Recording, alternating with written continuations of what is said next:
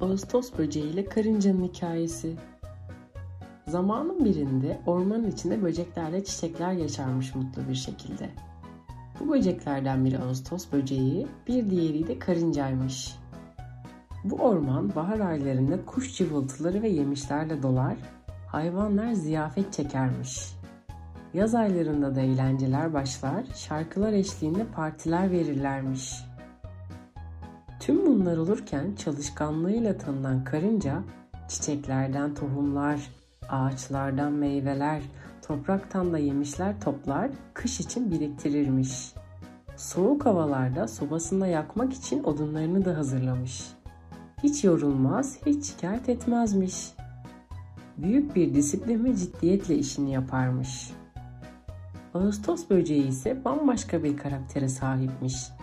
Elinde kemanı ile bütün bahar ve yaz ayları boyunca partilerde gezmiş, yemiş ve eğlenmiş. Üstelik kış için hiçbir hazırlık yapmamış. En sevdiği şey yiyip içip yatmakmış. Üstelik çalışkan karıncayı görünce onunla dalga geçmiş ve yazın tadını çıkarmayı bilmediğini söylemiş ama. Ter içinde zavallı karınca ona cevap bile vermemiş. Gel zaman git zaman günler geçmiş ve kış gelmiş. Bembeyaz kar toprağı sarıp sarmalamış. Herkes evine çekilmiş. Ortalığı bir sessizlik sarmış. Karınca sıcacık evinde akşam yemeğini yerken kapısı çalmış. Kapıyı açınca karşısında Ağustos böceğini görmüş.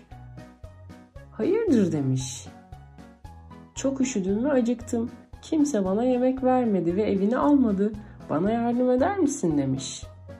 Karınca sinirli bir şekilde ona bakarak bütün yaz gezip eğlendin. Üstelik benimle dalga geçtin. Kusura bakma, yaptığının cezasını çekmelisin diyerek kapıyı Ağustos böceğinin suratına kapatmış.